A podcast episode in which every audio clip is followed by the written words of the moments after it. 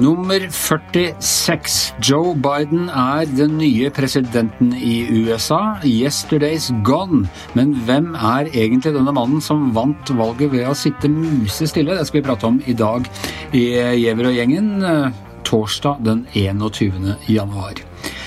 Jeg har med Hans Petter Sjøli og Per Olav Ødegaard. Hanne Skartveit hviler fortjent litt ut i, i Washington nå. Og Det var en lang dag i går, det var mange øyeblikk. Nå driver vi på en måte en slags sånn fellesdugnad og konsumerer alt sammen via eh, sosiale medier. Memene av eh, Bernie Sanders med votter, eh, poesilesing, alt mulig rart. Og jeg har bare lyst til å begynne å spørre dere Per, per Olav Hans Petter Per Olav først, kanskje. Hvilket øyeblikk eh, likte du personlig best? Trenger ikke å være det viktigste øyeblikket eller det mest avgjørende, men hva, hva sitter liksom igjen hos deg etter å ha konsumert dette? Jeg syns det øyeblikket hvor eh, Biden avlegger eden foran eh, en eh, mål der i Washington DC som er fylt av flagg, og langs Pennsylvania Avenue, hvor det, er, hvor det, bare er soldater altså Det sier så mye om dette helt spesielle året, den helt spesielle settingen, som vi så akkurat i det øyeblikket når han avla eden. Eh, spesielt hele Og selv oppe, oppe på, på podiet der var de også bar jo preg av, av denne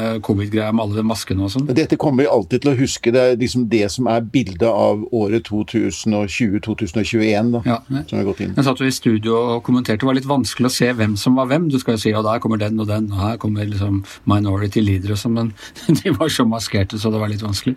Hva med deg, Hans Petter? Hvilket øyeblikk? Jeg vet du hadde flere øyeblikk, men hvilket har du valgt deg? Jeg bare sier at Det er lettere med masker, fordi Garth Brooks så på scenen. Han brukte jo ikke maske og hilste på alle etterpå. Han så alle hvem var. Uh, Nei, jeg tenkte... han, han, bør ikke ha hatt korona, for da er en såkalt superspreder. Det jeg tenkte på, var et mye mindre, eller mer, litt mer sånn kuriøs ting enn det selvfølgelig det Per Olav sa. Men det var da, altså, da Kamala Harris uh, avla sin ed og sa 'so help me God', så hørte du Joe Biden nærmest rope ut i bakgrunnen 'all right'! På sånn Biden-måten. Og det var da altså, Steven Colbert, komikeren, sa at da gikk USA fra alt right til all right. Ja, ja, det, det uh, føltes godt. Jeg må si masse øyeblikk og sånn, men for meg var det noe eget med å se han derre Mike Pence sitte der. Og han har jo ansiktet da skjult bak masken, men han har det derre blikket han liksom har lagt an, det derre litt distansert, drømmende blikket som jeg innbiller meg at han har sittet med den maska ganske stiv i det ovale rom eh, en del ganger eh, de siste fire årene.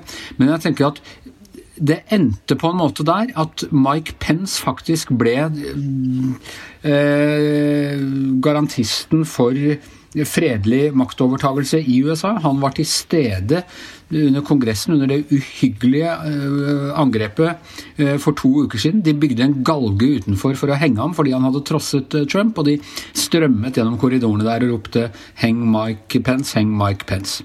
Mike Pence kommer der sikkert ukomfortabelt på den. Jeg så på ansiktet hans hver gang Biden var innom fire år med løgner og krig mot fakta og, og krig mot det frie ord og, og så videre. Og det er sikkert ikke noe gøy for han, men han tok han tok det ubehaget for hele eh, Trump-laget, og gjør at vi tross alt kan si at det var en slags eh, fredelig transformasjon av, av, makt, dette her også. Jeg er, jeg helt enig med deg. Jeg syns det var litt rørende å se Pen, Pence. Altså, han, han, fikk, klem av, fikk klem av din venn Gart Brooks, han også. ja, alle fikk jo det. Ja. Men han, Pence er jo litt sånn vanskelig å lese. Han er litt sånn uh, stoneface, egentlig. Uh, men, men altså, det var Du fikk jo medynk menn der oppe. Han satt jo på en måte veldig veldig lene, da, sammen med liksom, eh, et slags etablissement der. Eh, og jeg synes jo liksom han, som du sier, at han representerer jo på en måte kontinuiteten i demokratiet på en veldig sånn ja, verdig måte. Så jeg, jeg syns Mike Pence uh, steig litt i aktelse da han satt på der og sånn, sånn i går. Ja, jeg hadde... Jeg hadde også det. Jeg syns også det var en ting til som gjorde et inntrykk på meg, og det var den opplesningen av diktet. Den unge Eh, eh, poeten, 22 år gamle kvinnen som leste dette diktet. Og det er jo en sånn fin tradisjon når du får en ny amerikansk president. Det har ofte vært skrevet dikt til anledningen. Robert Frost skrev i sin tid et dikt. Um, og det, dette var et fjoråret så fikk en amerikansk dikter også Nobels fredspris, ikke sant? Og det er, det er noe sånn veldig, veldig flott i den tradisjonen hvor man en poet da, forsøker å sette noen ord på den, den tilstanden nasjonen er i, og det syns jeg hun lykkes veldig godt med i, går. da. Så han Chris Wallace fra Fox News, riktignok ikke av de mest konservative på, på Fox News, men, men, fra Fox News, og en, en, godt voksen mann, eldre enn noen av oss, han sa jo at var, han syntes dette var den fineste inauguration han hadde opplevd i sin, uh, sin tid. Han tror jeg må være gammel nok til, til å huske Eh, Kennedy og, og 'Ask not what your country can do for you' osv. Så, videre, så så det, det, sier jo litt. Men ellers må jeg si, Hans Petter, du nevnte det, men du hørte Biden i bakgrunnen si eh, 'all right'. Og det var et lite sånn streif av gamle Biden. For jeg må si, det har jo skjedd noe med, med Joe Biden i løpet av eh, denne valgkampen. Altså, Da jeg bodde i USA og dekket Obamas valgkamp, var han jo en løs kanon. Han var en sleivkjeft, han var omtrentligheten selv. Eh, han hadde jo prøvd seg selv som presidentkandidat, da var det masse greier. Han hadde juksa, rappa noe taleskrivegreier, og han var, han var liksom en jeg vil ikke si dodgy, han var sjarmerende, men ikke helt 100% pålitelig type. Som, og den derre kontrollfriken Obama var livredd for skulle si noe gærent under hele valgkampen. Han, han, sa en del sånne ting. Nå er han blitt en helt annen person. Han har liksom steget ned fra berget som en sånn mild, gammel mann. Sier minst mulig, snakker nærmest senaktige visdomsord til en øh, forhutlet, såret, sykdomsridd øh, befolkning, og klarte å vinne valgkampen mot denne mitraljøsen og ordsprøyteren eh, Trump bare rett og slett ved å forholde seg rolig. Han har appellert til en helt, helt annen ting av, av den amerikanske psyken og eh, lykkes med det? Hva, hva, tror du det skyldes, Per Olav? Jeg tror det er eh, litt eh, i den tiden vi lever. Altså, jeg, jeg, når jeg så på dette her, så tenkte jeg på Franklin Delano Roosevelt, som jo ble valgt i Eller som startet sitt i 33, 1933, midt etter, etter, den store depresjonen, eller midt under den store depresjonen. Og han var heller ikke ansett som en sånn strålende stjerne på den politiske himmel den gang. Han var ganske, han var, ganske, han var omstridt, han var ikke regnet som noe sånn Men han ble, han ble stående som en av de tre, kanskje tre største presidenter i amerikansk historie. Men han utstrålet noe av den der optimismen og den der um, litt utålmodigheten og dette med eh, han var en, en, aktivist og en optimist, og han gjennomførte stor, et, et, stort reformprogram i USA eh, på 30-tallet som på en måte fikk, dro USA ut av den depresjonen. Jeg synes han er litt av det samme han kommer med. Han har, også Biden har store planer nå. du ser jo hvor aktiv han er fra første dag i Det hvite hus. Riktignok er det å, å, gjøre om på mye av det som eh, Trump har, har, gjort, altså i form av nye presidentordre. Men han har også store, ambisiøse planer i årene framover. Eh, og så får vi se hvor mye av det han klarer å gjennomføre. Men eh, Roosevelt var ingen stjerne da han ble valgt den gang, første gang, men han ble gjenvalgt med solid flertall fire år senere, og, og enda to ganger til. Det var den gangen det var mulig for presidenter å sitte i mange perioder. Enda flere perioder. Men, uh, så jeg tror det er noe av tiden som gjør at, uh, at, at Bidens øyeblikk er kommet nå, ikke, ikke tidligere. Hans Petter, du skrev på, på, Facebook i går jeg merket meg uh, Biden om Biden. Han er en rolig, pragmatisk og kompromissvillig politiker i en verden der breikjeftene og oss versus dem demagogene har tatt stadig mer plass. Og han er overbevist om at det er bedre å bygge broer enn å reise murer. Han er, han er litt sånn, uh, som du er veldig glad i, litt sånn tysk sentrumspolitiker som kan bygge europeiske unioner, stål, kull- og stålunioner og, ja. og ja, litt sånn etterkrigs politiker, Jovern. Han, han er jo av den generasjonen da. Det er ganske presist, egentlig. Det. For at eh, han igjen, og det Etterkrigsgreia er også litt interessant. Altså, det er jo, det har jo, altså, de siste fire årene har vært så elleville i USA. ikke sant? Det, det, vi, vi, klarer ikke å se det mens vi er oppe der, selv om vi har, sett, eh, vi har kommentert det hele tida, vi også. Men, men det, liksom, jeg tror kanskje at eh, det er som om man våkner opp av et slags sjokk. Hva, hva, var det egentlig som skjedde de fire årene her? Og da er, stiger da Joe Biden fram som en sånn, som en sånn nasjonens bestefar med et, et helt altså et anti-Trump-budskap. ikke sant? Det, Han skal stoppe bygging av den muren, han skal satse på klima, han skal eh, åpne igjen for innvandring fra muslimske land. Altså, han er på en måte anti-Trump. da. Eh, eh men, men, jeg tenker jo så jeg, jeg har fulgt med Joel jeg, Dere er jo mye mer inn i amerikansk politikk egentlig enn jeg, men, men jeg har fulgt med Joe Biden over ganske mange år og alltid likt den litt. Han har alltid vært sånn veldig sjarmerende og liksom sånn godslig type. da, og Som du ser, også litt sånn sleivkjefta og omtrentlig. ja.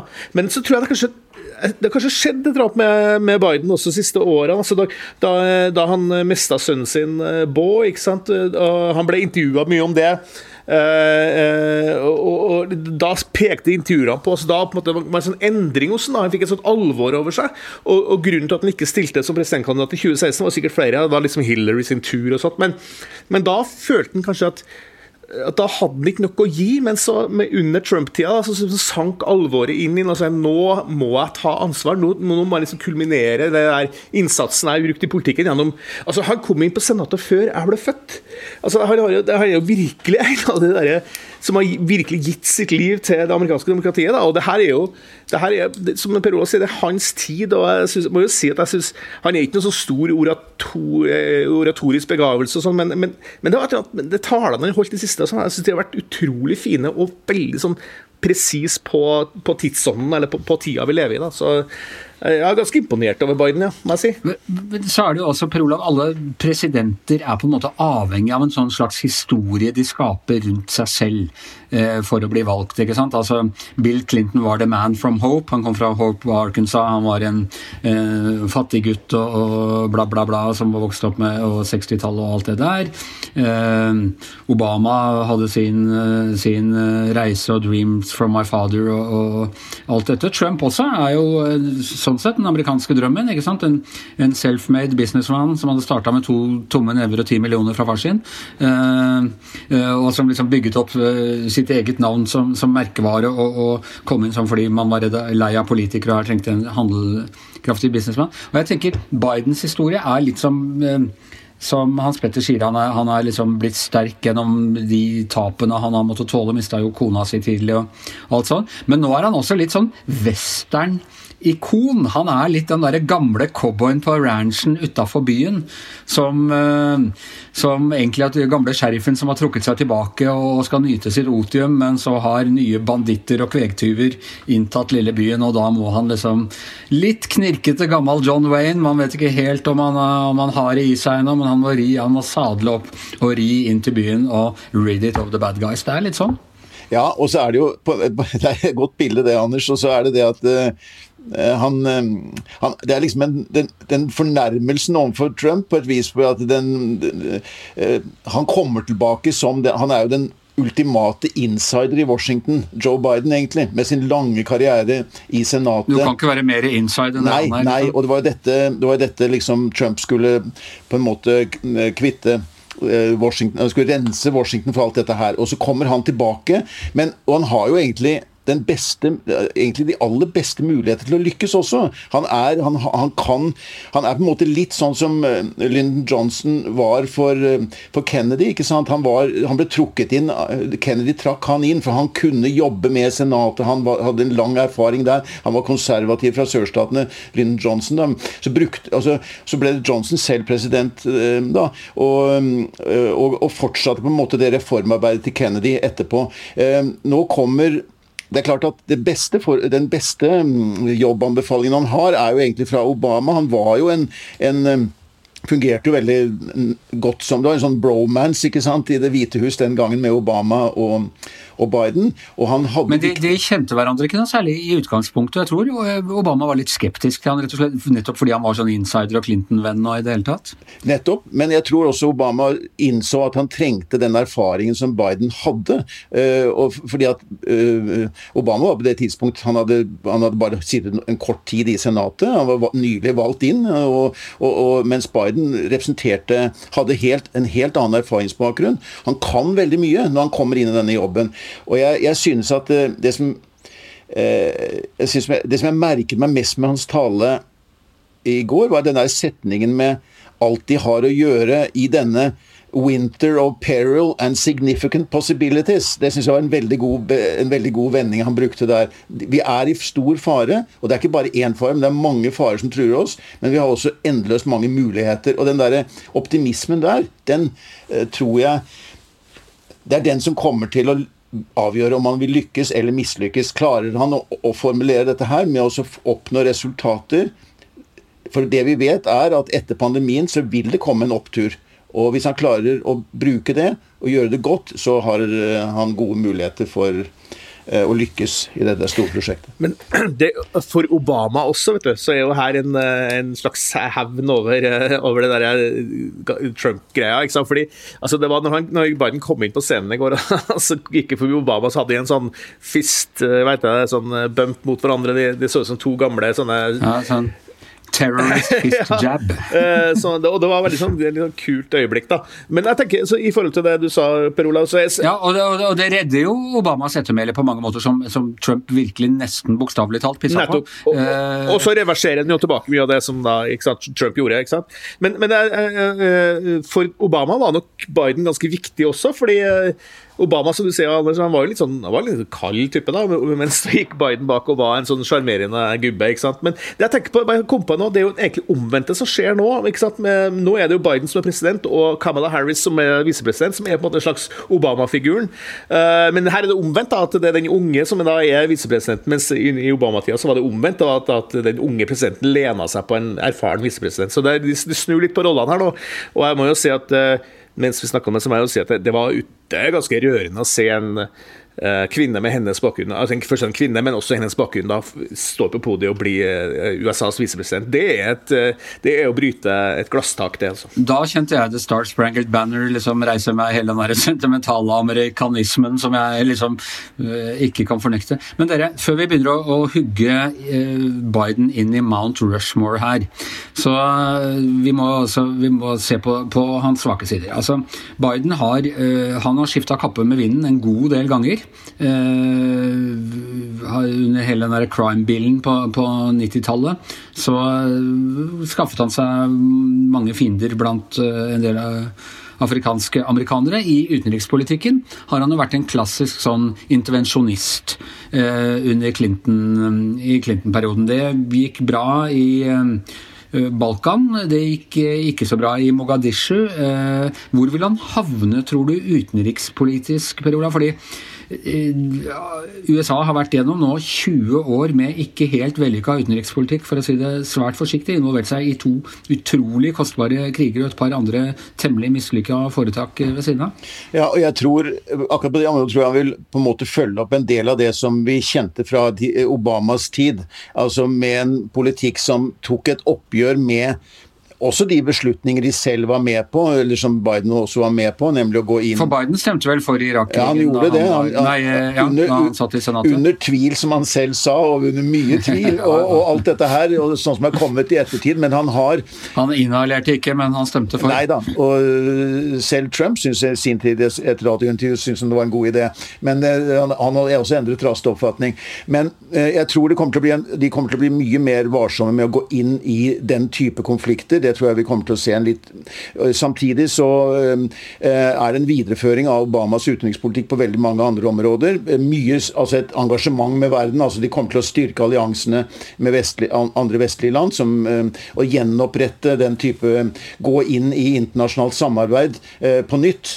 Ta USA tilbake i en mer velkjent rolle på det, på det området der. Jeg tror veldig mye av det som er utenrikspolitikken, kommer til å være sånn som vi kommer til å kjenne igjen. Og, det, og, så kommer vi til å se at de siste fire årene har bare vært et veldig radikalt brudd på det, som vi kjente. Så der tror jeg det kommer til å bli mer gjenkjennende. Og så er det viktig også i forhold til klima. Han nevnte det selv i går. Um, og det var noe av det første han gjorde, var å melde USA inn igjen i Parisavtalen. Han var en halv dag på jobb i går. Han meldte inn i Parisavtalen. Han stoppet eh, byggingen av muren. Han opphevet eh, innreiseforbudet fra muslimske land. Det var, det var, relativt mye han rakk å gjøre på den halve dagen som var en sånn ordentlig langfinger til, til Trump. Men når du snakker om dette med svakheter, Anders, så tenker jeg også på at det, det, som kommer til å bli vanskelig for ham, og som også var vanskelig for Obama, var å få flertall i Kongressen for en del av de store, viktige tingene som krever eh, lov eh, altså Han legger fram lovforslag for eh, å få flertall både i Representantenes hus og Senatet.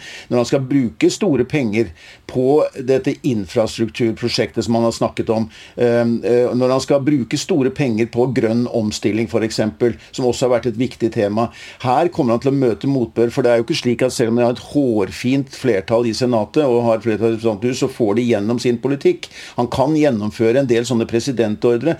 Og hvor dyktig han er som en politisk eh, taktiker og brobygger, som vi har snakket mye om før, det kommer til å avgjøre hans første periode som president, tror jeg om han lykkes eller ikke. Og det, det blir krevende.